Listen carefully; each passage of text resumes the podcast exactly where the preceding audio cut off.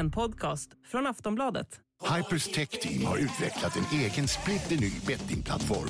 Navigeringen 10 poäng, Bettbilden 10 poäng och oddsen är hypade till max. Upplev vår Next Gen Sportsbook. Ladda ner Hyper-appen idag och känn skillnaden. 18 plus, spela ansvarsfullt. Regler och villkor på hyper.com.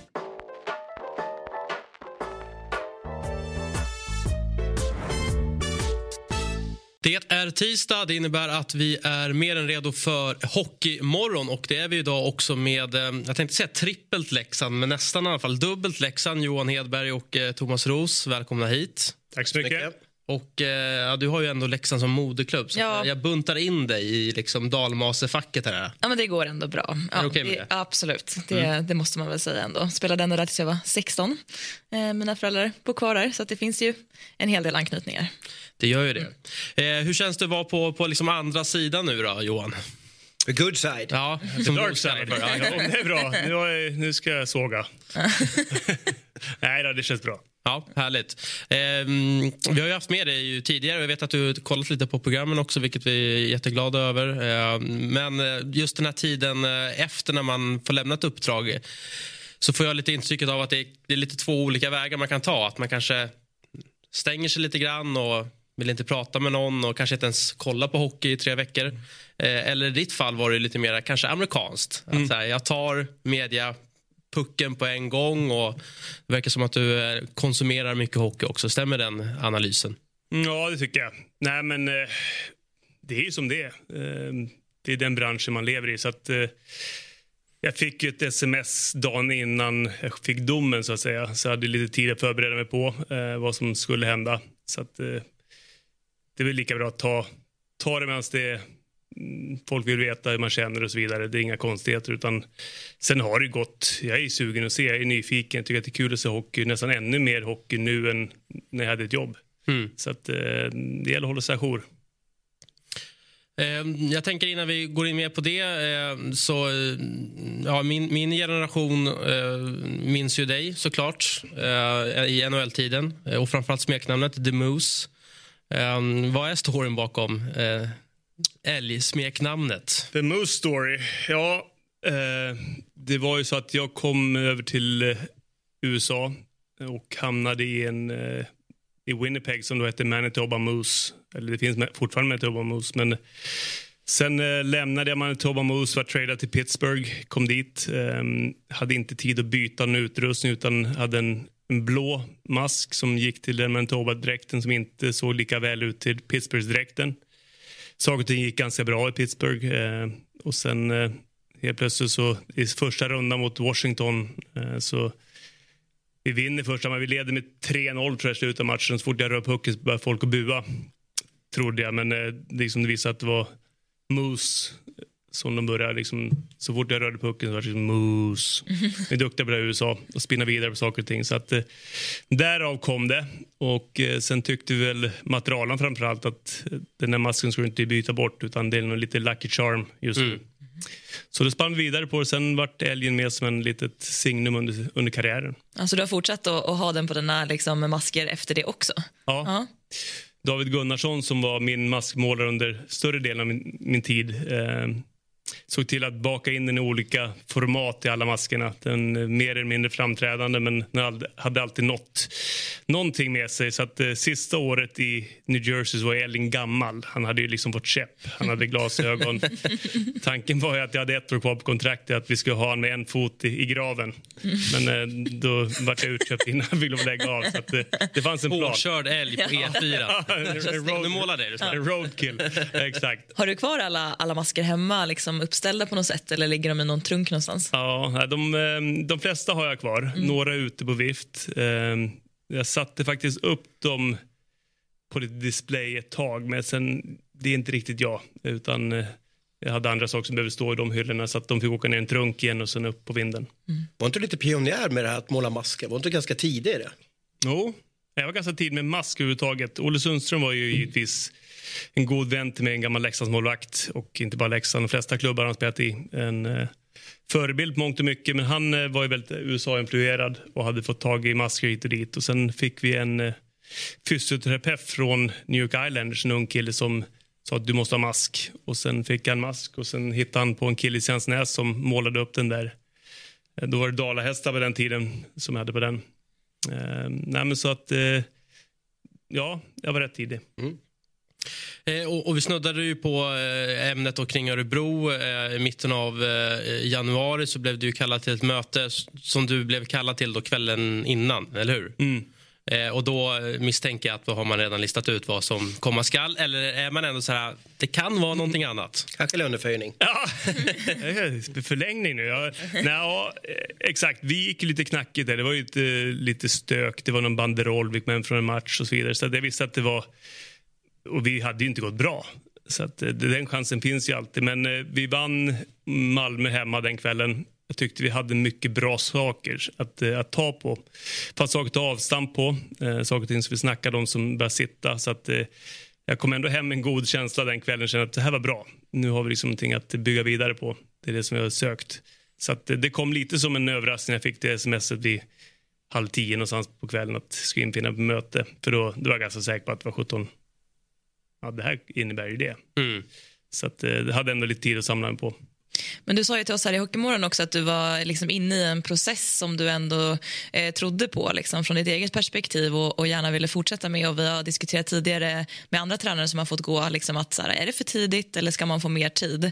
Finns det någon liksom, gyllene regel här eller är det liksom, väldigt person och klubbberoende?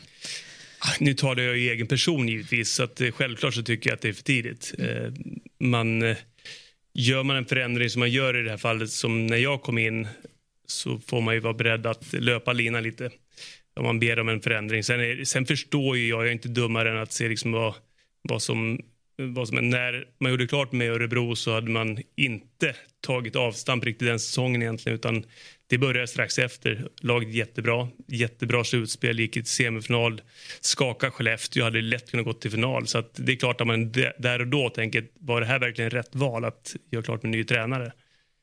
Um, Niklas blir kvar. Eh, Niklas och jag är väldigt goda vänner och en väldigt duktig hockeymänniska. Han blir min chef. Eh, och vi tyckte, jag tror hade nog förhoppning att det här kommer bli kanon.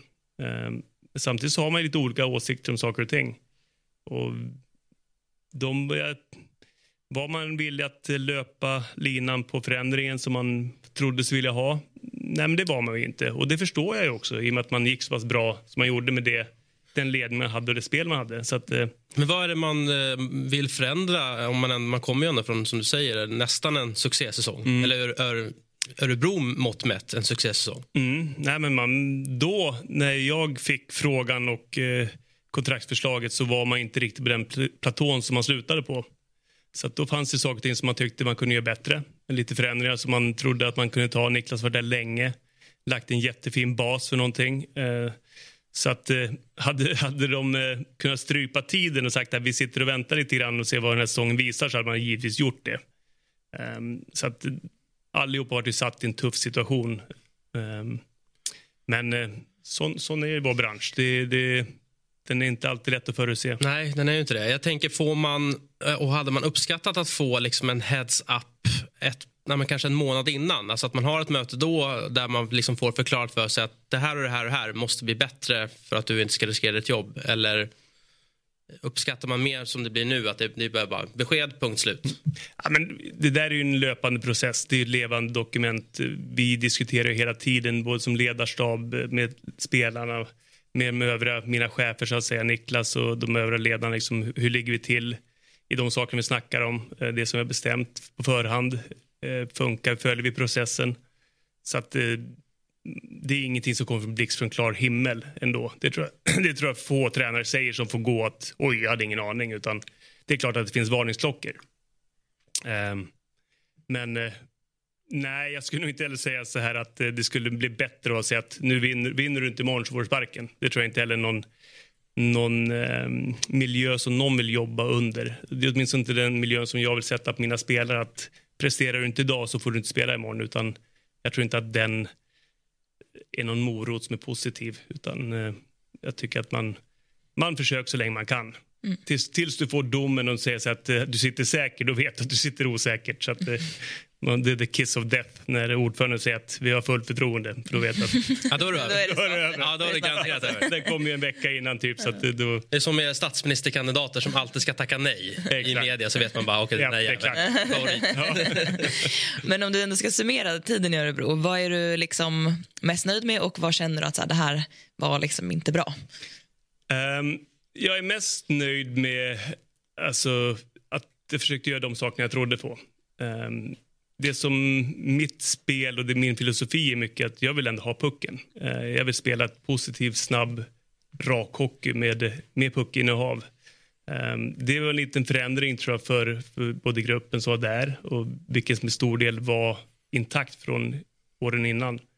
Ehm, jag höll fast på det i mångt och mycket. Jag tycker även att eh, jag släppte lite för mycket av de initiella känslor och tankar som jag vill stå för. Eh, Där jag önskar att jag hade varit lite, lite mer hårdnackad mot de andra och sagt nej, vi, vi kör på det här som jag bestämt från början. Eh, Men man, man ger och tar och försöker liksom anpassa sig för att få ett lag att bli så bra som möjligt. Eh, Men det är, det är ingen one man show på något vis utan vi är ju ett, eh, ett lag och ett lag inne i coachrummet. Vi har våra chefer och så vidare. Så det, är en, det är en dialog som alltid sker. Sen är det du som headcoach som oftast har sista ordet. Ska vi göra en förändring? Eh, Ska vi göra en, en justering? Ehm, Så att, eh, det, är, det är mitt ansvar om vi inte vinner. Om du fick göra om den här resan om Örebro, hade du exempelvis, ja, men då vill jag ha min stab, jag, jag, vill ha, jag vill välja assisterande tränare om jag ska ta det här jobbet. Eller hade du, hur hade du tänkt att få chansen igen? Ja, men jag skulle nog säga så här att hade verkligen sett till att ha på fötterna med att vi har samma bild av vad vi vill göra för någonting. Jag tycker att den processen som blev i min anställning var lite, eh, den går för, gick för snabbt. Jag tycker inte att, och jag lägger det på mig själv, jag tycker att jag gjorde för dålig research på att verkligen veta, vill ni det här som, som ni säger vill jag ha? Det här är det som jag står för, det här är det som jag vill skapa, är ni beredda på att eh, löpa den linan? Eh, där tycker jag kanske att jag la inte ner jobbet för att få verkligen det cementerat att så var, det var uppdraget. Men, eh, du, nu, nu nämnde du Niklas här att ni, ni är kompisar också men kände du inte en oro kring att den tidigare långtgående tränaren tillika som har gjort en bra, alltså nästan en succé, han är nu min, alltså min chef. Det kan man väl ändå se lite som en varningsflagg. Vad har han för ambitioner? Vill han tillbaka? Vill han ta mitt jobb här nu? Eller vad, och samtidigt är han min chef. Det blir lite krock i mitt huvud. Så är det ju, absolut, med facit i hand. Eh, Men eh, jag hade nog inte den, jag hade nog ändå ganska trygg känsla när jag gick in i det med att Niklas kom in som min chef. Och det är någonting som jag eh, tyckte var positivt egentligen. Jag tycker att vi, Niklas är en jäkla bra människa. Otroligt fin, omtänksam, noga, eh, liksom vill alla väl och vill jobba med ett lag på bästa sätt. Så jag tänkte, det här kommer vi att eh, kunna ta till nästa nivå. Men jag har ändå andra infallsvinklar som kanske är nytt för han, som kan förändra, kanske förbättra vissa saker som de har jobbat på. Eh, jag kunde lära mig av det, så, det som de har gjort för att eh, bli ännu bättre. Sen, sen tror jag inte, hade vi kommit dit i slutändan, mycket möjligt. Det var min förhoppning i alla fall. Det är alltid en process. Eh, hade vi en tuff period? Absolut. Eh, så att, um, men eh, summa summarum på det så det är klart att det fanns varningsklockor. Men jag tyckte nog att förutsättningarna var bra nog för att lyckas. Men idag hade jag nog gett det mer tid. Mm. Jag tänker det kommer ju en process också efter man får lämna ett arbete. Alltså det kan ju vara allt från att man har flyttat dit hela sin familj, man kanske satt barn i förskola eller skola och ja, men massa sådana grejer. Hur, hur lång tid tar det att liksom bli klar med den staden man är i? För oss, eh, jag och min familj, nu är ju barnen större så nu var inte de med. Utan det var jag och min fru som åkte ner. Eh, vi har flyttat så otroligt mycket under våra liv. Och vi har bytt lag, vi har bytt städer, vi har bytt skolor. Så att eh, vi är ganska luttrade. För oss så var det mer som att säga att jaha, det var det kapitlet över. Nu, det gick inte som vi eh, hade hoppats. Det blev som det blev. Och vi får då gå vidare och lära oss av det här. Det är väl så som vi har faktiskt eh, approachat mycket av sakerna som händer i en hockeykarriär. Speciellt i USA när det är så livegen. Att du har ingen saying. Nu har ju många som kanske har kontrakt som har lite bestämmelserätt. Men jag hade det inte, utan man gör som man är tillsagd. Så att, eh, Nej, det var, det var som det var. Det var bara att packa. Du är van att bli behandlad som en handelsvara då, med andra ord. Typ så. Ja. Ja.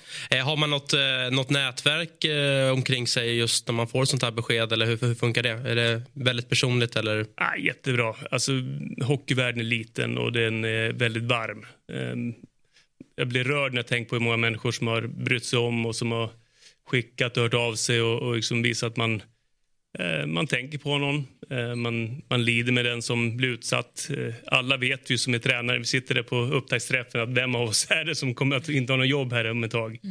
Man hoppas ju alltid att det inte är en själv, men eh, alltid några av oss får ju gå. Och eh, man håller efter varandra och man ser till så att man landar på fötterna och verkligen visar att man, man finns där för varandra. Tar du hjälp av holken vid sådana här tillfällen? nej. den har jag har lärt mig. Jag, det är en, en, eh, en del av eh, ryggsäcken. Mm är... Du måste utveckla, vad, du måste utveckla vad holken är. Ja, jag antar att du syftar på gamla Holken i Leksands IF. Ja, alltså a- aktieklubben tänker jag på. Ja, Hulken tänker jag. Ja, Ja, Hulken. Hulken. Ja, du tänker på den. Jag trodde du tänkte att Holken var en annan story som jag också... Nej, Otroligt att du blev träff på Ja, jag att du sa fel. nej, men det var aktieklubben jag tänkte. Ja, Hulken. Ja, nej, men Det finns ju mycket hockeykompetens i den. det finns otroligt mycket ho- hockeykompetens i den. Vi har en, det Thomas syftar på, en aktieklubb vi har i Leksand som vi har haft sedan 96 tror jag.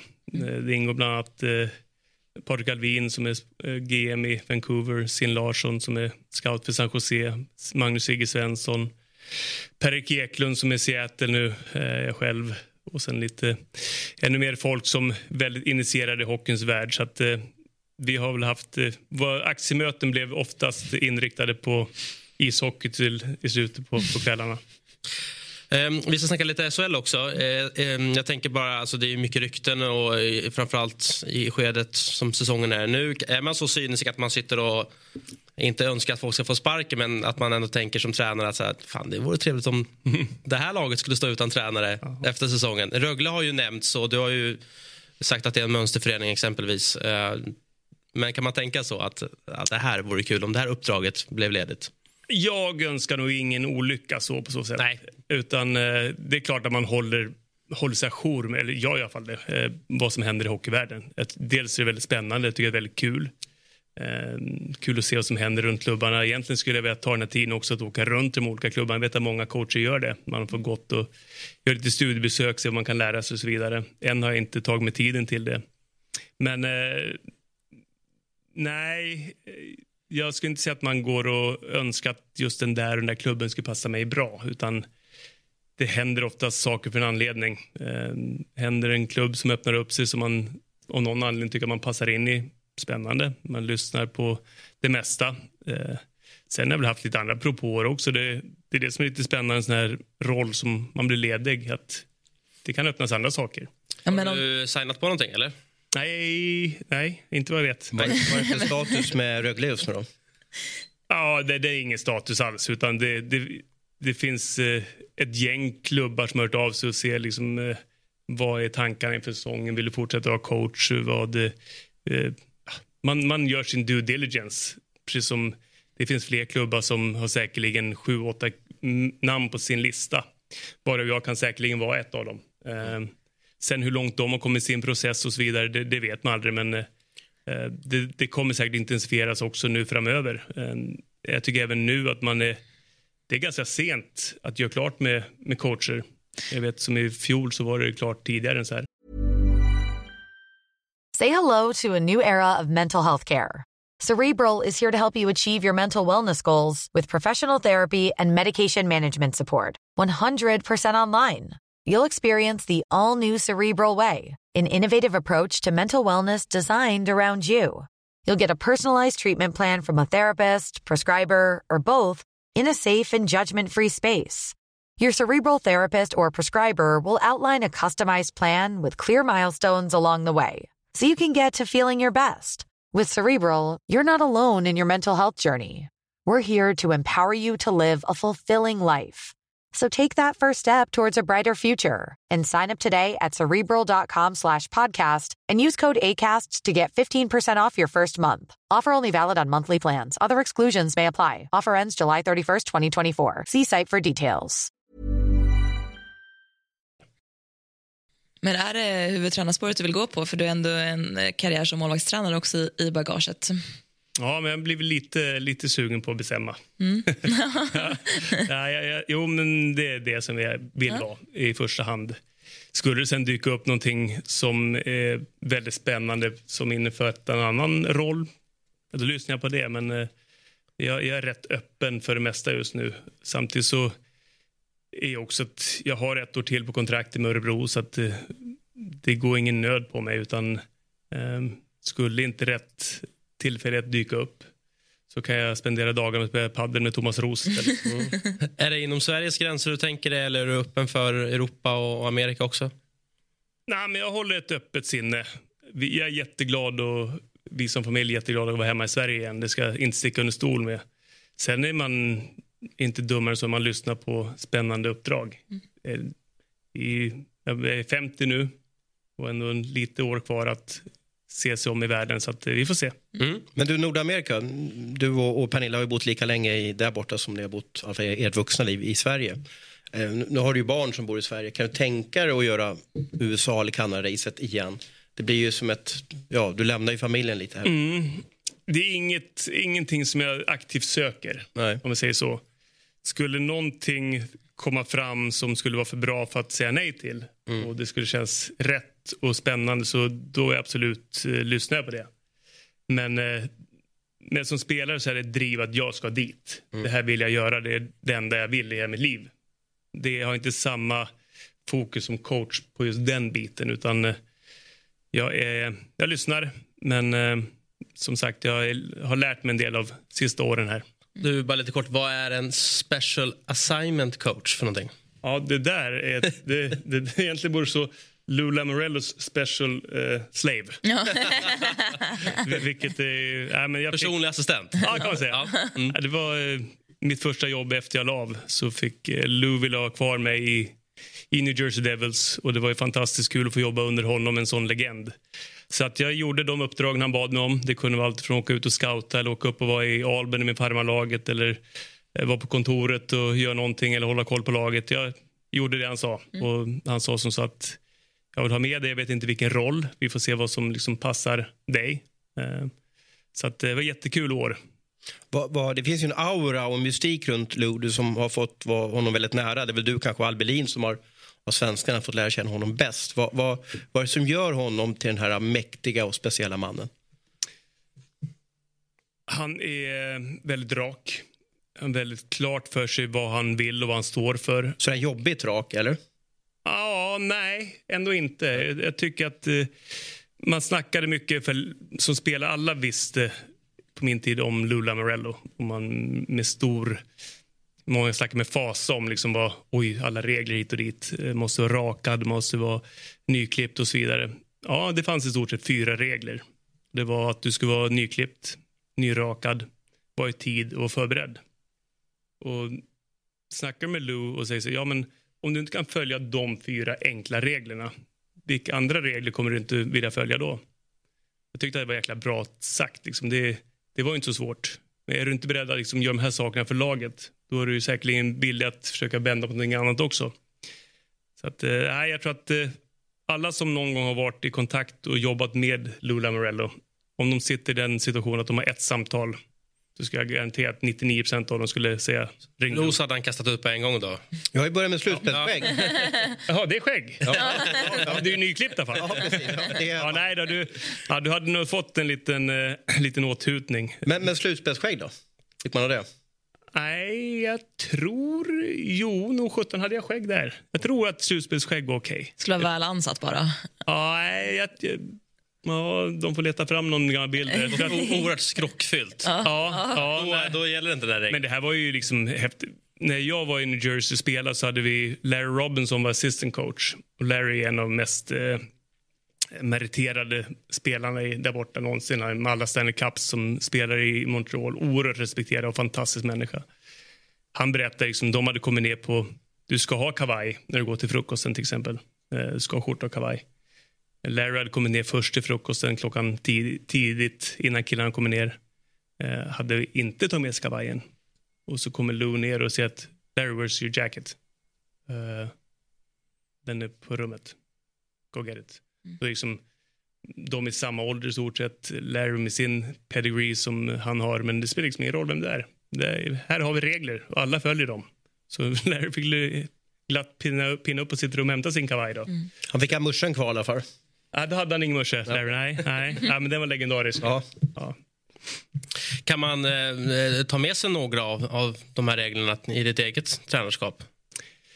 Ja, det kan du. Men samtidigt så ska du vara... Jag tror att du måste löpa linan hela vägen ut och liksom köra Lula Morello-stuk. Och jag kan inte det. Jag är inte den människan. Uh, jag tycker att det har varit fantastiskt att få lära sig av det. Men uh, du måste också vara den som du är. Tror att jag, jag kan inte vara någon annan.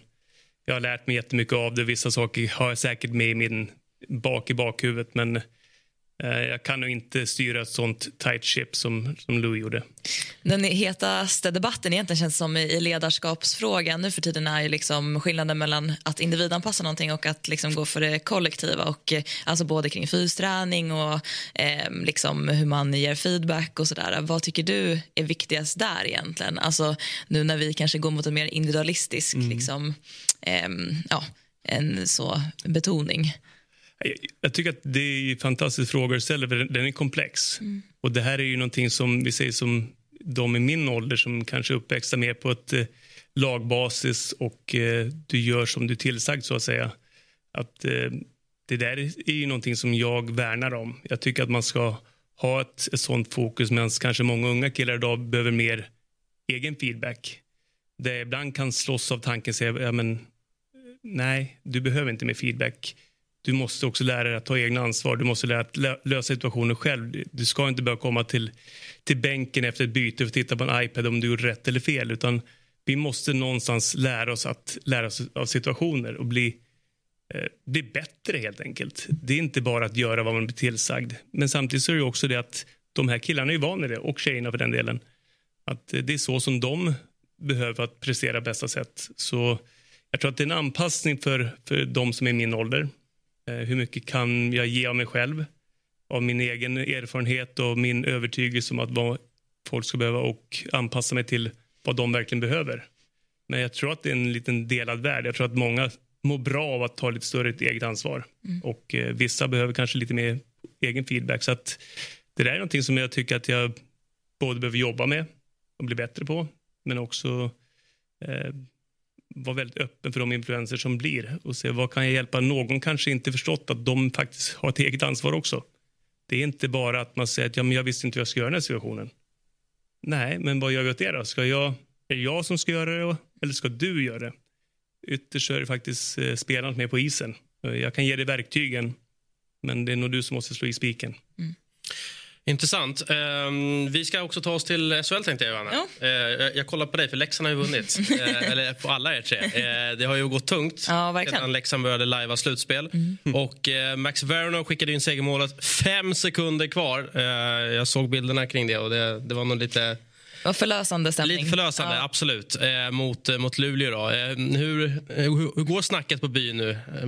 Pratar man fortsatt om slutspel nu eller vad, vad säger man i Leksand? Jag har varit i Thailand, Thomas. Så kör du. ja, ja, men det är mycket dalmasar i Thailand också. sprang, sprang på en Leksandströja faktiskt. Ja, exakt.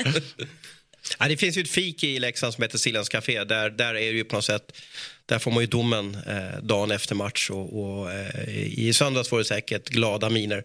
Tyvärr så är ju inte nubben längre med i de där uh, samtalen. En, en legendarisk Leksing som tyvärr gick bort här förra veckan. Han satt ju och ledde de där mötena med, med den här trusten som finns där. Men eh, just nu är det säkert glatt i Leksand. De fick ju vinna, möter Oskarshamn eh, ikväll och det kanske borde bli tre poäng. Så att, eh, vi får se om de kommer topp 6 till slut när vi summerar serien. Mm. Har du följt eh, Leksand liksom, på nära håll den här säsongen och vad tycker du liksom, stämmer för dem och vad stämmer inte? Jag har följt Leksand ungefär i samma utsträckning som jag följt de andra lagen just när, för jobbets skull. Då.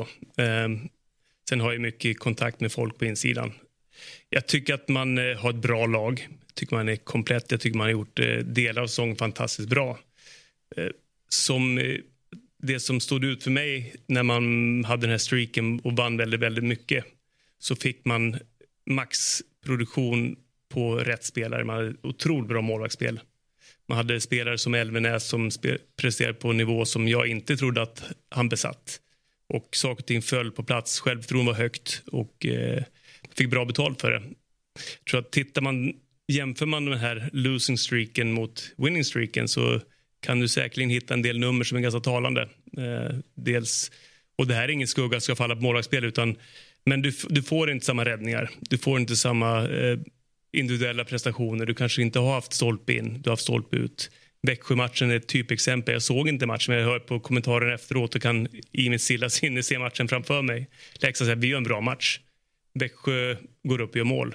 Leksand möter en, ett kompakt, eh, tryggt spelande Växjö som de alltid är, som väntar på sina tillfällen och går upp och straffar Leksands obenhörligt. Leksand kanske hade behövt en, en jätteräddning här och där eh, för att kunna liksom få lite luft under vingarna. Man får det inte. Och eh, matchen tippar över och känns som en stor förlust, vilket det var. Men eh, det är små marginaler. Jag ser att eh, man är inte långt borta. Men målvaktsspelet då? För Leksand har ju ändå valt att dela på, på det och ge lika mycket förtroende i princip åt Filip och, och Mantas eh, jämfört med till exempel Frölunda där man går stenhårt på Lasse och samma sak i Färjestad också med Carl Lindbom. Vad skulle du föredra som målvakt? Eh, att liksom få dela på det eller ta allt ansvar själv? Jag vill vara Lasse. Ja. är det, tror att det är så för de flesta målvakterna? Tror att det kan bli liksom Leksands fall lite grann att man inte har någon målvakt som verkligen kan kliva fram och ta första mm. spaden? Men det tror jag att de har. Mm. Jag, jag, tror att det är bra ändå på att avlasta under säsong. Eh, på sätt och vis. Lasse däremot har fysiken och kunnandet att kunna spela mycket matcher under lång tid. Det har han gjort under många, många år. Så att han klarar av det. Eh, sen har jag sett typexempel på många mål som inte klarar av det. Du har kanske gått med en fantastisk lång serie. Du har gått 41 matcher under, under säsongen och du är rätt mentalt trött när slutspelet kommer in har du avlastat, kanske gått 30-20 eh, eh, och har en, en annan mental glöd och en annan fysisk glöd så, så tror jag att du kan vara i framkant till slut. Och det tror jag Leksands plan är. Att gå in dels med två bra målvakter men också kunna gå in och hitta den som är hetast och förhoppningsvis ta bollen och springa med den. Eh, så i alla fall min filosofi också varit som coach. Eh, vi avlastar, vi rullar på ganska bra. Kanske en viktande åt ena hållet. Men skulle den så kallade 1B på den som är hetast slutet av säsongen så är det inte omöjligt att han startar och är han bra så då kör vi. Vem hade du valt till Leksand? Ja, men jag hade, jag, nu ska jag inte säga men eh, hur det kommer att se ut. Jag hade nog ramlat tillbaka på Mantas. Eh, jag vet vad han gjorde i fjol, jag vet vad Mantas har för kapacitet. Eh, jag vet vad han kan och jag vet också att han är väldigt, väldigt revanschsugen.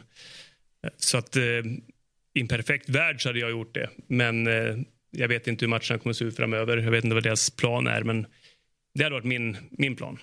Spännande. Du har ju coachat mot, mot alla lagen och du nämnde ju Växjö här. Jag eh, tycker det är så här liksom otäckt lag när man nästan ser för att möter man dem så vet man att de, skotten blir 14-14 typ, men de har ändå gjort fyra mål. Vad, vad, när du har scoutat dem innan, vad, vad, måste funka för att man ska ha chans mot Växjö? Och vad är det som, om du utvecklar lite, vad är det som gör att de är så skickliga på att vinna matcher? Ja, men deras tålamod är en del. De ändrar inte. Eh, de har väldigt puckskickligt lag. Eh, väldigt metodiska. Jag tycker att Växjö är det laget som är absolut bäst på att eh, välja lägen. När man ska gå, när man ska sitta tillbaka, när man ska vara samlad. Men eh, det som jag känner, man, kan man störa Växjö högt upp i banan och eh, dedikera folk till att verkligen gå hårt fysiskt så kan du få fast dem. Men eh, Får du inte betalt för det så är du väldigt eh, nära att åka dit. För de, är, de väntar bara på ett litet misstag. Sen får de mitten och sen har de med sig fyra man upp. Och så sitter den där med 2-1 i, i ryggen. Sen spelar de metodiskt. Är de tråkiga då? De är tråkiga för du vinner ju inte mot dem. Exakt det jag menar. Nej, de, de bjuder inte på mycket. Och jag man fascineras av vissa lag. Och vissa lag, efter att ha mött dem som coach, fan, vi kanske måste titta lite mer på vad de gör. Mm. Och det är lätt att man, jag tror Växjö är det lag som i, Sverige som flesta coacherna sitter efteråt och kliar sig över sig. Mm, ska vi gå åt det hållet?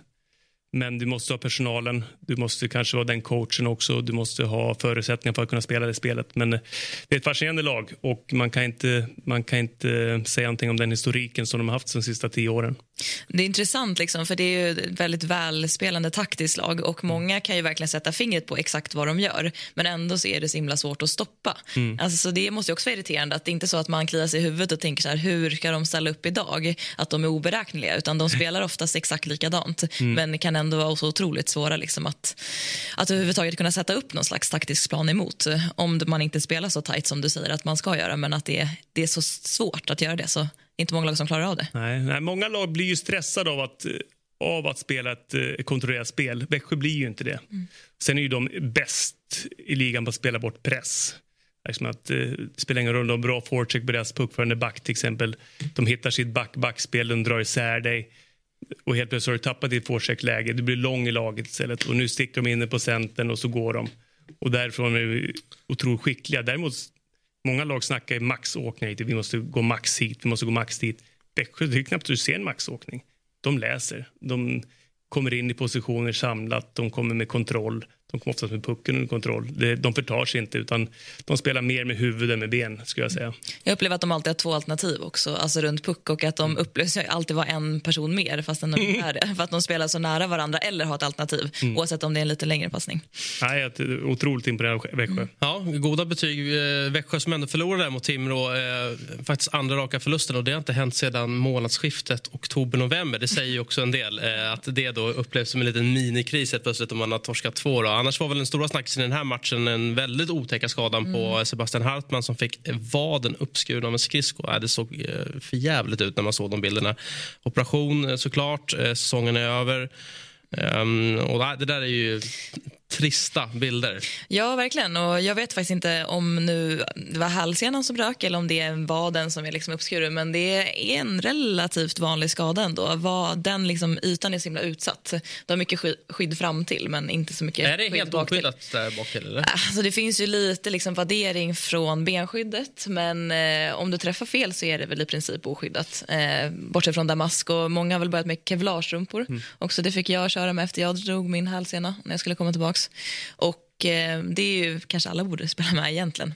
Eh, men ja, det var ju liksom en slumpskada kan man säga. Det var inte meningen någonstans utan det var liksom som en efterrekyl från en tackling. Och, ja, men det har vi sett, det är skärskador som är, är liksom, um, har hänt flertalet gånger den här säsongen så det, det är lite läskigt. Men uh, jag får hoppas att det går bra i rehaben för Sebastian Hattman. Absolut. Cool fact a crocodile can't stick out its tongue. Also, you can get health insurance for a month or just under a year in some states. United Healthcare short term insurance plans, underwritten by Golden Rule Insurance Company, offer flexible, budget friendly coverage for you. Learn more at uh1.com. Malmö-Rögle var också en intressant match uh, där nere i, i Skåne. Uh, där det blev Rögle-fansen som kanske sjöng höst, högst och bäst. och seger då igen för Rögle. gjorde ju tre mål också igen. Mm, otroligt. och det känns som att Ryfors och Sar och Everberg och Abels och de här de, de, har de liksom börjat vakna till liv lite grann nu. Kanske fattat lite stundens allvar i, i Ängelholm. Ja, alltså framförallt så är det väl skönt för Rögle att möta Malmö i Malmö Arena. De har inte, Malmö har inte vunnit hemma på tre år, så det kanske mer handlar om det. Jag tycker fortfarande att, visst att de gjorde en bra match, men kanske inte bevisat sig så pass mycket att man kan säga att de har liksom hittat någon slags mönster. Men, ja. Och är ju, Rögle är ju ett av tre lag som också har bytt coach. Uh, har du sett någon skillnad i Rögles spel uh, nu när Abbots är borta? Uh, ja, men jag tycker att man har lagt mer fokus, speciellt nu på slutet, att bli ta hand om defensiven först. Ehm, det tar ju ifrån en hel del fart och energi och eh, offensiv flärd. Men ehm, de har också insett att det kanske är det som nöden kräver just nu. Det är ett eh, utsatt läge. Mm. Och tittar man på Örebro så är det lite samma sak som efter Niklas kom tillbaka så var det första man lägger fokus på det att se till så att det är tajt bakåt och sen växa därifrån. Rögle i samma båt. Ehm, men det är prekärt läge. Det är tufft onekligen och det ikväll blir en det är ikväll. Mm. Ja, mm, ja. ikväll är match.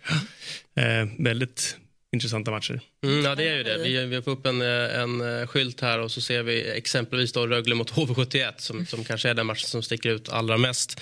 Eh, och Malmö då, det är ju tre poäng nu ner till, till HV och det är ju de två klubbarna som också möts Uff. i den sista omgången. Och där det. hoppas ju vi i alla fall att, att, det, att det blir det en finalfight där då. Ja. Att det skiljer två eller tre poäng kanske mellan eh, Malmö och HV.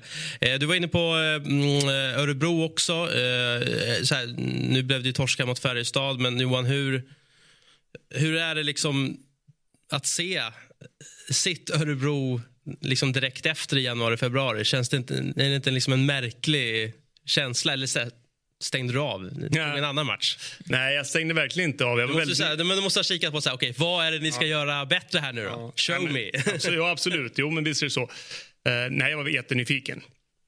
Um, och se liksom vad man, mm, va- vilken väg man går. Uh, kommer, kommer vi att, eller vi säger jag, att förändra de saker och ting som vi, som vi tryckte på under när jag var där? Eller kommer man att fortsätta vissa saker och, och justera? Men eh, jag tycker att man har hittat tillbaka till det som, som Niklas eh, står för. Och eh, en väldigt duktiga och intensiva i spelet utan puck. Eh, svårt att, svåra att göra mål på. Ehm, kanske har tagit iväg från vissa saker så som, som jag står för. Men eh, de har hittat tillbaka till den, den identiteten som de sökte tycker jag. Jag tycker att de är tuffa att spela mot. vad, det tog ju ändå lite tid för Niklas att få ordning på, på Örebro. Mm, jo, men det är inte lätt.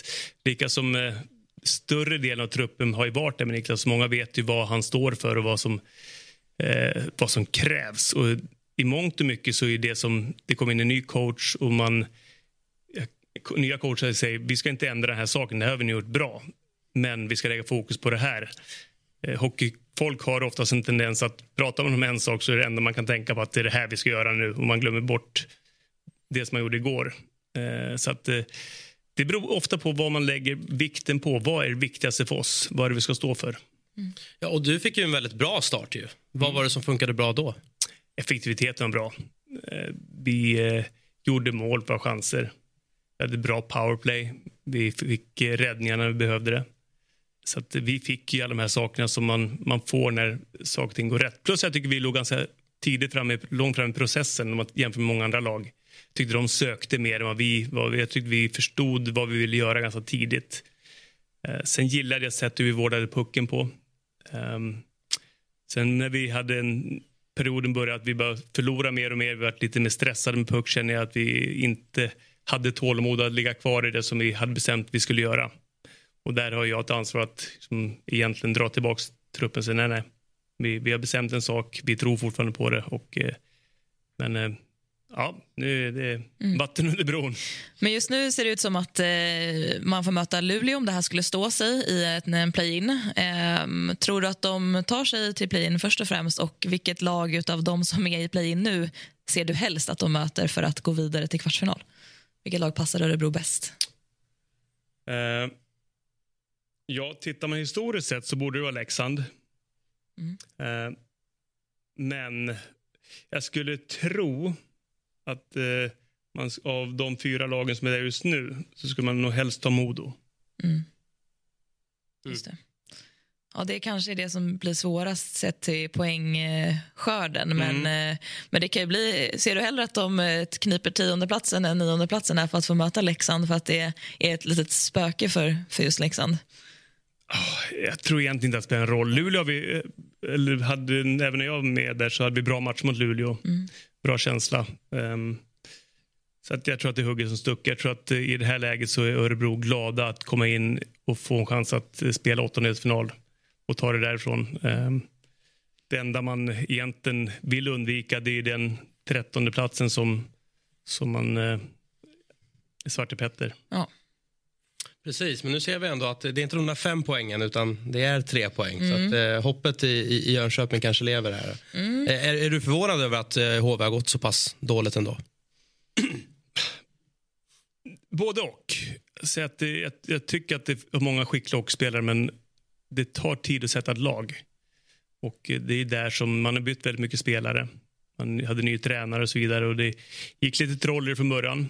Eh, sen tycker jag att HV, har, speciellt nu på slutet, jag såg Färjestad HV på, eller Frölunda HV på tåget hem och tyckte HV var bra. Bra fart, bra intensitet. Eh, det finns saker och ting där. Det är ett lag som har potential att vara bättre än vad man är. Men eh, jag har också förståelse för just med, med all den stora spelaromsättningar att det blir problem. Men, men du har ju scoutat alla lag och när du tränar Örebro och ni skulle möta HV71. Vilka tre grejer tryckte du på inför för, för dina spelare då att det här är HVs svagheter, det här ska vi nyttja? Ja, men vi ville spela i anfallszon okay. framförallt. Jag tyckte att de var små och eh, tunna framför eget mål. Där kunde vi verkligen liksom, eh, vinna kampen framför kassen. Jag tycker att deras eh, storleken och fysiken med deras backar någonting som, som vi pratar om. Det är inte bara individuellt utan lite som som man spelar som lag. Ehm, däremot så tyck, var jag lite orolig för deras fart genom mittzon. Att satt, fick de pucken i centernas händer, centernas händer och eh, är André Pettersson med så vet jag att de har ett, eh, ett riktigt ace där som kan vända vilken match som helst. Så jag, jag var, jag hade en match mot, eh, mot Leksand som jag använde som lite scouting mot dem där verkligen de flög. Och eh, jag tror jag kände upp laget för mycket för det var den sämsta matchen vi gjorde under, under året. Vi var, vi var helt värdelösa i Jönköping. Det som vi spelade med stor skräck. Så att, eh, ja. Vi eh, har en gäst med oss. Vad härligt. Magnus Bogren, SSK-coachen. Vad trevligt att vi får ha med dig här i Hockeymorgon. Jag hoppas du har en trevlig morgon hittills. Ja, då, absolut. Det är fint väder här i Södertälje. Perfekt. Härligt. Du, eh, jag misstänker att du är på gott humör eh, med tanke på de två senaste matcherna mot eh, toppkonkurrenter Djurgården och eh, eh Löven. Vad har du att säga om de två fina SSK-segrarna? Ja, men börjar man mot Djurgården så tycker jag, eftersom vi har haft eh, egentligen problem med båda lagen, det är väl klart att ta sista skalpen mot båda är bra. Men mot Djurgården tycker jag vi gör en, en av våra bästa prestationer i Scaniarinken denna säsongen. Påkopplade från start. Jag tycker vi spelar bra det är rätt så mycket anspänning med den matchen med tanke på också det här som hände innan och allting. Va? Så att, eh, den är jag väldigt nöjd med. Igår är mer en svåranalyserad match. Jag tycker inte spelet kanske är, är det bästa men eh, vi hittar ett sätt att vinna och kämpar rejält och, och sådär. Så att, eh, två viktiga segrar för oss, absolut. Blir det lite extra tyngd just att vinna den här typen av matcher när det är så nära på eh, ett slutspel och ni möter lag som ni ja, men troligtvis kommer att få möta om ett par veckor i, i slutspelet? Ja, jag tror det är extra viktigt med tanke på vad resultaten vi haft mot dem innan eftersom vi nollade och kanske inte gjort sådär jättebra matcher. Mot, mot uh, Löven tycker jag ändå vi gjort tre rätt okej matcher innan. Mot Djurgården kanske vi gjort två perioder riktigt bra så därför är det, tycker jag det är extra viktigt av den anledningen också.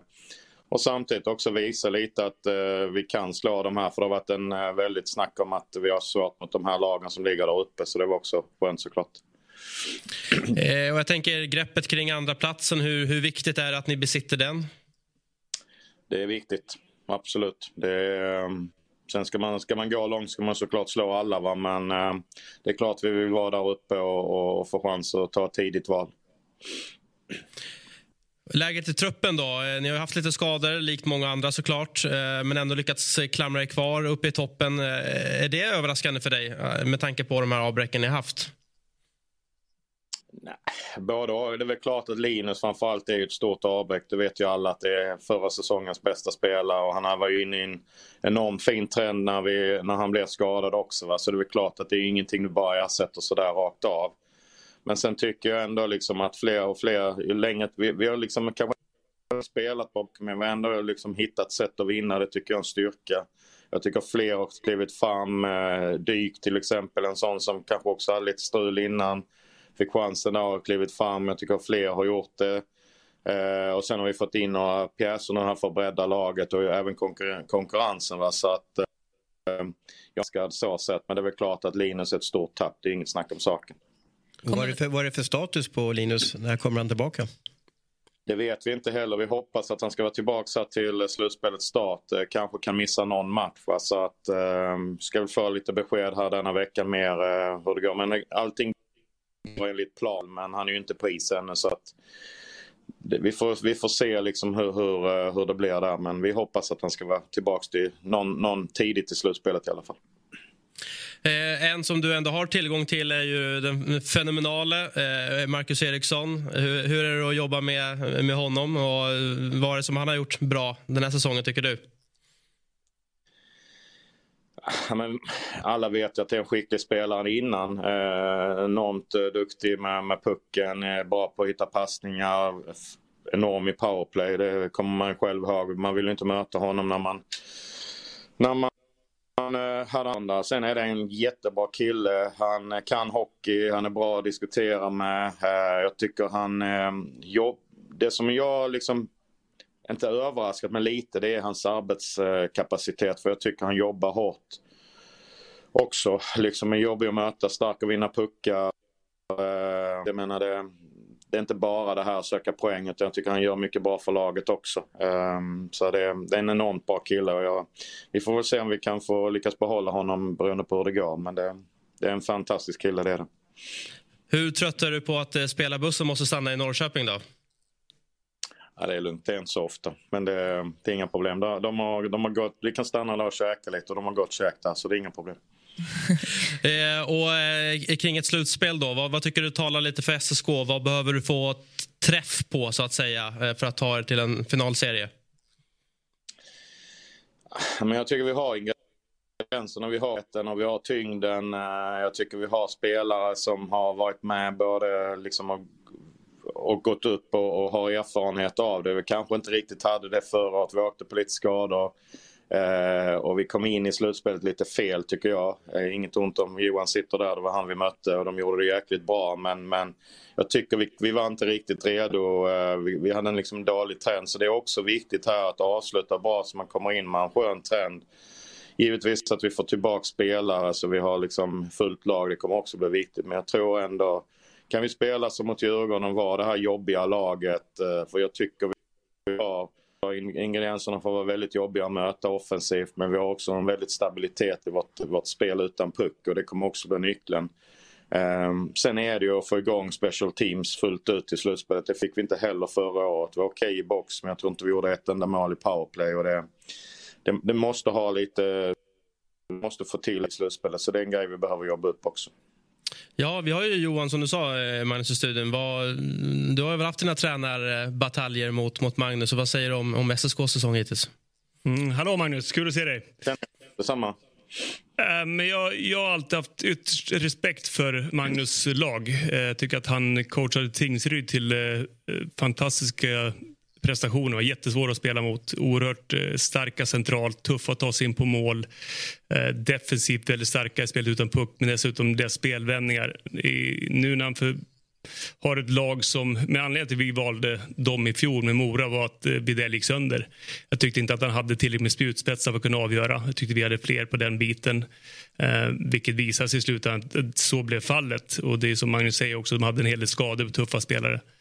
Idag så tycker jag att eh, får han tillbaka Videll så är de ett lag som absolut kan gå upp och det har jag nog känt från dag ett. Just med det sättet som Magnus coachar på, det sättet de spelar på och kunna ha den spetsen som kan avgöra så tycker jag att det är ett lag som, eh, som alla ska vara rädda för. Jag är oerhört nyfiken på att se hur den här kvartsfinalserien kommer att bli och jag är väldigt nyfiken på att se vem Magnus kommer att välja. Ja, ska, ska, du inte avslöja nu? Vad, vad, vad, landar valet på, Magnus? Ge oss det nu. det vet jag inte. Vi ska först se till... Eh, vi har en tuff match på onsdag mot Mora borta som eh, också är med i den här striden. Så att, eh, men det är väl klart, vi har satt oss ett bra läge för att behålla toppplatsen, tvåan. Och, och då får vi se helt enkelt. Det, det finns inga lätta matcher när man går in i slutspel. Jag tycker många av de här som ligger under strecket, typ Kalmar, Nyborg, de, de har överraskat enormt på mig och är sjukt jobbiga att möta. Va? Så att, eh, men vi får väl se hur det blir. Kan det vara så att man ändå, om det står och velar lite, att man rent av skulle kunna tänka sig att välja AIK eller Djurgården också på grund av liksom den geografiska närheten och slippa lite resor och sådär? Ja, det, det, det återstår att se om jag sa så. Ja, jag, jag, försöker, jag försöker fiska fram här, men det, jag, jag, jag förstår att du inte vill ge oss... Eh, du, har du någon uppfattning om vad Brynäs kommer ta? Det kanske är enklare att svara på. Nej, jag tror de kommer ta något av de lagen som eh, är i play-in, det är jag helt säker på. Men vill något lag möta Karlskoga egentligen? Nej, det vet jag inte om man vill. Vi har ju spelat bra mot dem denna säsongen, va? men eh, de har ju de är väl ett av de formstarkaste lagen och är ju, har många spelare som är vana slutspel. Så, så att, eh, det är väl inte så säkert, men eh, ja, det, jag tror inte någon vill möta oss heller, även om inte de kan välja oss eller sådär. Så jag tror... Ja, det blir ett intressant slutspel, så mycket kan jag säga i alla fall. Det är jag helt övertygad om. Det kommer det definitivt att bli. Eh, supertrevligt att ha dig med, Magnus. Eh, och, och um, lycka till med, med kommande matcher. Tack så mycket. Tack. Vart noterat SSK? Ja, detsamma. Verkar ju vara en väldigt välmående förening just nu. De, deras damlag rusar mot eh, SDHL också faktiskt. De Just har det. gått eh, nästan rent i både grundserien och sen nu i playoff. Då. Så Mm. vi får se om det blir, eh, om det blir de som går upp. Och det var ju mycket, mycket toppmatcher. Följer du Hockeyallsvenskan också? Lika nördigt som SHL? Ja, jo, det gör jag. Vilken serie tycker du är roligast att kolla på? Ja, men det är nästan roligare hockey i allsvenskan på sätt och vis. Eh, Det, är lite, det händer lite mer, det är lite mer oförutsägbart. Det, det kan hända saker och ting som inte händer på den mer strukturerade SHL-nivån. Så på så sätt så är allsvenskan är charmig. Men eh, klart, välja mellan en SHL-match och en allsvensk match. Är Mora involverade, då, då väljer jag kanske den. Jag är fortfarande väldigt nyfiken och tycker att det är kul att Ja, följa. vad säger du om deras säsong? Ja, fantastiskt bra. Eh, Över väntan, måste jag säga. Jag trodde med de spelartappen som blev i år eh, så är jag imponerad som man har fått till det. Jag tycker att Ignacy vid kassen varit fantastiskt bra. Det är också kul att se liksom, de unga norskarna, vilka steg de har tagit. Eh, när man kan komma så här högt och spelat så pass bra som man gjort utan att det är Johan Persson, Dan Ljunggren och Måns Karlsson tillsammans som dominerar. Eh, de har fått en bredd i målskyttet, Jetman har varit väldigt bra och så vidare. Så att, eh, ja, de blir kul att se. Den där målvakten vill man inte ha emot sig. Procentuellt sett, vad ger du Brynäs för möjlighet att ta sig upp här? Är, de liksom, är det en, en nivå för mycket för de andra lagen att ta sig an? Eller, ja, jag får ändå lite intryck, nu såg jag ju Brynäs mot AIK att även om AIK hade 2-0 så ja, men det var ändå Brynäs som styrde och ställde och ja, vann ju till sist rättvist. Brynäs har ju onekligen det bästa lag på pappret. Sen ska man inte underskatta den mentala biten. Eh, De kommer jag överlägset mest press på sig i det här läget. Jag tror att eh, ett Södertälje, som jag sa, är ett jätteläskigt lag att möta i slutspel i år. Jag tycker att de är byggda för slutspel. Jag tycker att AIK är byggda för slutspel. Eh, Jag, jag tror och även vi säger, nu har Björklöven haft det tungt. Tittar man på Björklövens eh, statistik mot topplagen så är den, jag tror att den är bäst. Det är det lag som har vunnit mest mot de andra lagen i toppen. Så att man ska absolut inte underskatta Björklöven. Och får de tillbaka sina skadade spelare så är de också en riktig dark horse. Om du får dra till med ett finalpar då? Ja, ja. ja men det, det skulle inte förvåna mig om det blir... Eh, ska vi chocka då? Gör det. Ja, vi chockar. Ja, men jag säger AIK Södertälje då. Oj, vilket lag slår ut Brynäs tror du? Vilket lag tar fyra matcher av Brynäs? AIK. Oj, ja. Ja, det gillar ju vi. Ja, men det har, där har vi en old school eh, finalserie. Vi är nästan tillbaka på mitten av- E4-derby. Ja, 80-talet, ja. Exakt. Ja, ja, Ja, det hade- det hade vi ju välkomnat. hade man inte hatat. Nej. Det hade varit eh, väldigt intressant. Ja, verkligen. också bli... eh, Fick hela Gävle mot mig. Ja. Men, men jag vill också göra det för att jag vill ta bort pressen från dem. Det är ingen Brynäs, ni har lugn och ro. Det är ingenting som trycker på er. Utan det är klart att de är bästa laget. Men så- allt kan hända. Så är det. Eh, tänkte lite på din karriär här avslutningsvis Johan. Du spelade ju nästan till du var 40 eller var det till och med över 40?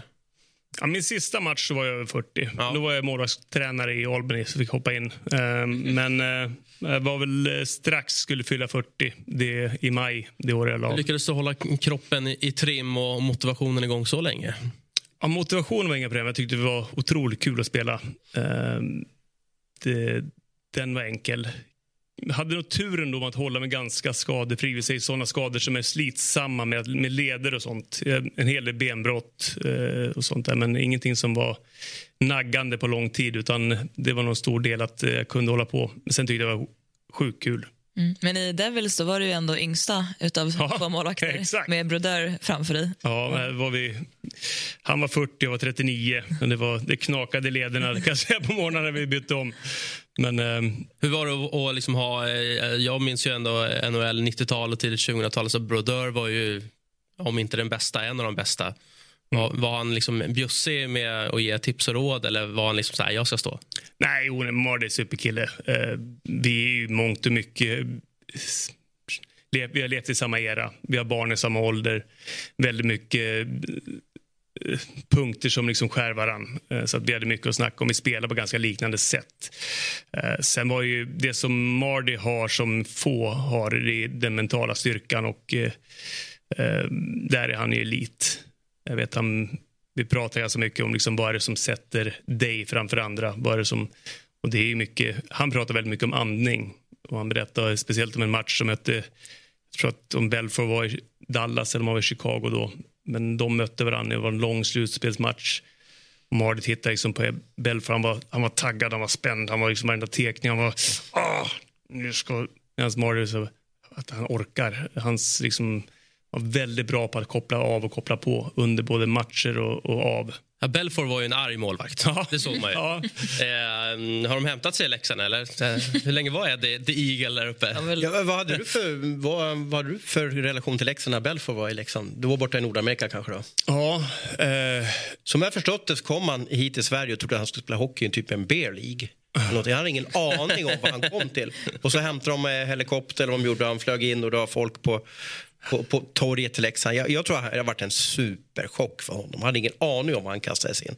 Och sen var det väl nästan lite svårt och fick väl träna upp han ganska rejält här i början har man väl hört stories om då. ja, jag tror inte Ed var kanske... Fysen var nog inte det viktigaste i Eds liv. Så.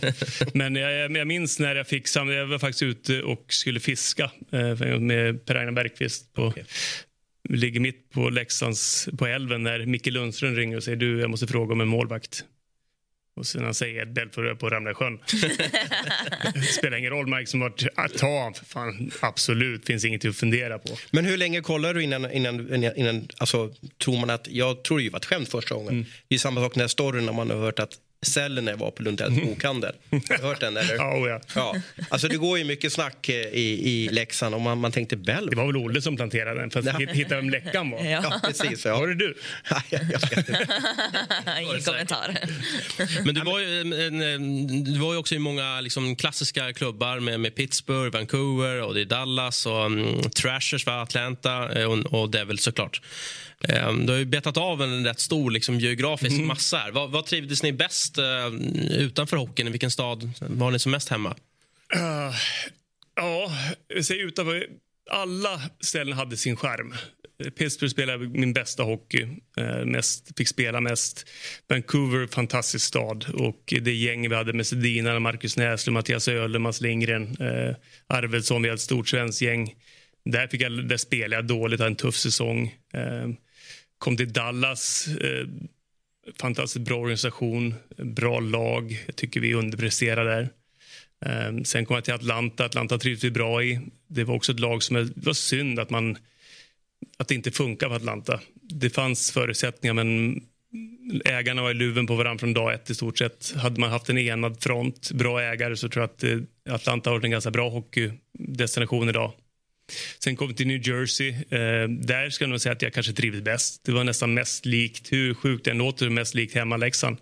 Vi bodde i en liten, liten by som heter Floren Park som låg eh, en 50 minuter tågresa från Manhattan. Men det var, vi hade en kohage som närmsta granne. Vi hade en, det var verkligen som att bo i Leksand. Jag tänker, tar man inte tillfället akt att bo i en, en världsstad som New York då? Eller blir det för jobbigt pendlingsmässigt? Ja, men jag, jag bodde, innan familjen kom till New Jersey, var jag där två år själv. Så bodde jag ett år nere i Jersey City, mitt emot Manhattan med eh, Jakob Josefsson och Tedenby och Adam Larsson. Vi bodde i samma hus. Jag fick, jag fick vara ungdom och leka av mig lite sista åren. Men eh, jag är, ganska, jag är ingen storstadsmänniska. Jag tycker om lugn och ro. Jag tycker att det är skönt att vara ute i naturen. Eh, det blir för mycket gytter för mig. Även tycker det är mycket folk här i Stockholm. Eh, jag tänker också under alla dina år som målvakt att det har ju hänt väldigt mycket med, med utrustningen också. Alltså från liksom lite mindre skydd till större skydd. Hur, hur var det att vara med i den eh, utvecklingen? Här ser vi en väldigt bra bild. Det är jäkla skillnad Ja, alltså. verkligen. Mm. Jag, jag föll nog aldrig riktigt. Jag höll nog kvar vid mina saker. Ehm, jag, blev, jag hade svårt att eh, komma in i den nya utrustningen, byta saker och ting. Jag ville ha inkörda, mjuka saker som var smidiga, eh, vilket eh, ledde till att eh, jag var mindre än de andra. Jag utnyttjade inte den delen av skydden som, som eh, killarna gör idag.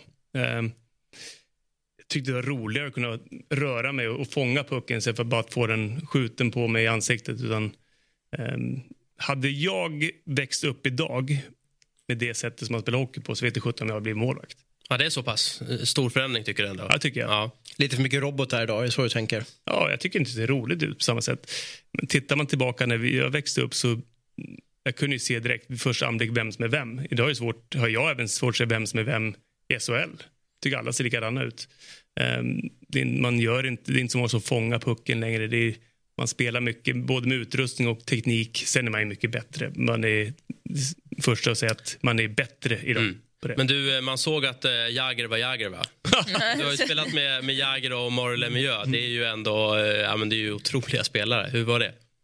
Ja, det var ju speciellt. Eh, Mario ägde ju laget. Han gjorde comeback samma år Just som jag... ägde ju laget också. Sam, det år som jag kom in eh, från AHL så var, ägde Mario laget. Eh, så att han styrde lite som han ville. Vi, eh, vi var ett bra lag. Väldigt mycket skickliga hockeyspelare med, som du nämnde, Kovalev var där också, Robert Lang och Martin Straka. Och en uppsjö. Men vi var ostrukturerade. Jag minns ett möte precis när slutspelet skulle börja. Om eh, Mario bad coacherna lämna rummet. Vi skulle börja möta med Washington så frågade han bara Hej boys, vad spelar vi för system? Alla tittar runt och sa nej exakt, vi har inget system. Men från och med imorgon kör vi left side lock, left wing lock. Alla bara okej, okay, inga problem, nu kör vi. Så att det var på den nivån. Det var, det var ändå en brytpunkt av att säga gamla och nya. Um, idag så hade inte det funkat att vara så hur var, vad var det för status på Mario i hans comeback? Han var bra. Mm. Ja, det var han. Uh, snittade en poäng per match säkert, tror jag nog. Uh, han, var, han var rolig. Liksom, ofta så på träning han kunde han skita och skjuta på. Uh, utan han, han drog bort den och så kom han bakom buren för att lägga den i ryggen och in. Det var roligare liksom, att, att göra mål på så sätt än att åka dit och peta in den i klykan.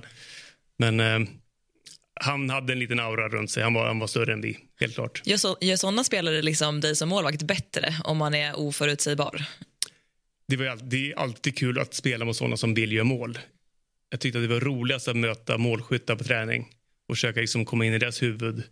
Eh, någon som verkligen vill göra mål var en rolig utmaning för mig som målvakt. Den, den här killen som åker in på ett ben och skjuter en handledare från toppen cirkel, det är inte ens kul. Mm. Utan man vill ju utmanas, man vill ju tävla. Så att, eh, Jagger var kul. Kovalev var otroligt rolig. Han kunde liksom vara kvar i en timme efteråt och liksom bara stå och skjuta, skjuta, skjuta, skjuta tills det var perfektionism. Stämmer det att Jagger inte hälsade på dig när du blev uppkallad första gången? Mm, nej, det tog, han sa ingenting. Alla kom fram och hälsade utom Jagger. Han kom... Eh, eh, min första match var Florida borta. Vi vann 6-3 tror jag. Jag hade en 45 skott. Det var, gick bra. Så vi stod och duschade efteråt så kom han och sa hej, good job. Ja, thanks, thanks. You know, it helps when you're active with a lot of shots. Man vill säga någonting som är lite, ändå lite starstruck. Oh, ja, men nästa gång kan du få ännu mer, mer skott om det är det du vill ha, sa han.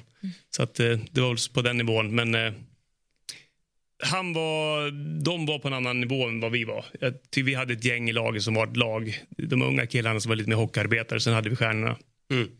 Hade du själv någon idol när du började spela hockey?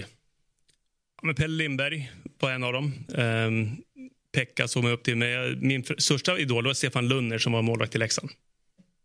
Han tyckte jag var en sån jäkla cool plockhandske. Han hade en vit plockhandske med fingrarna på utsidan. Um, han var, Lunner var en snygg målvakt. Vem blev första svenska headcoachen i Nordamerika? Då?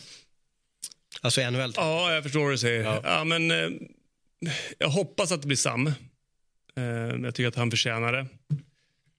Sörensen ligger bra till i Chicago. Han är, assist, han är i AHL-head där nu.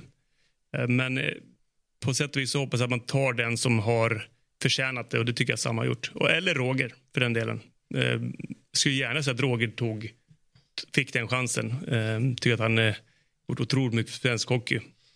Hur mycket kollar man liksom som ja, GM i, i USA på Sverige?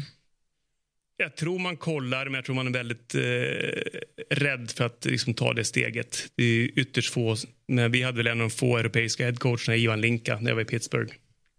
Eh, annars är det i stort sett inte många. Det är sonen, finnen och någon mer. Men eh, det har varit trend att man ska komma dit och jobba sig igenom den amerikanska stenen. Men, men jag tror att det kommer förändras. Som man sett nu så är det ganska mitt gäng, om man säger så, de som var där när jag var där, det är ganska mycket Boys Club, Old Men's Club. Man håller varandra om, om ryggen lite grann. Så att, eh, de är borta. Mycket college coacher har kommit in. Mycket college-ledare. Eh, Nya general managers som har sina tankar och idéer.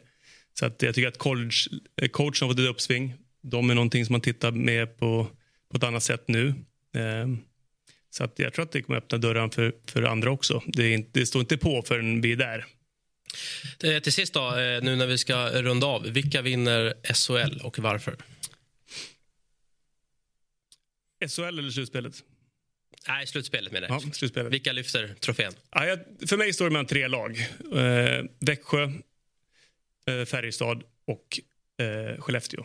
Och det ska bli kul att se om det är Färjestads tyngd, Skelleft, eh, Skellefteås fart eller Växjös puckkontroll som, eh, som vinner. Jag tror att det blir ännu mer trendsättare inför nästa säsong. Mm. Ja. jag, och jag ska välja en också. Ja, det ska du absolut göra. Mm. Vilket spelsätt vinner? Jag, hopp, jag säger Skellefteå. Mm. Bra. Mm, verkligen. Du, kul timme var det ju. Ja, otroligt Eh, Timme kul. plus tio Ja. till och med. Ja. Ja, vi hade kunnat prata... Vad får Johan för betyg nu då? Ja, han får eh, en stark fyra. Stark fyra. Ja, Ja, jag jag, men jag vill inte ge femmor så här lättvindigt. Det här är bra. Ja. Det är bra. Och då ger jag mig själv en stark trea. Du är varmt välkommen tillbaka. Ja, det verkligen. eh, spännande att följa vart du landar också eh, härnäst. Jag tänker inte gå någonstans. Nu är ni fast med mig. Ja, men, Nej, men tack för att jag fick komma. Vad kul. det var jättekul. verkligen. Eh, och tack för att ni tittade och lyssnade. Det ska ni göra igen på fredag. Då är Hockeymorgon tillbaka.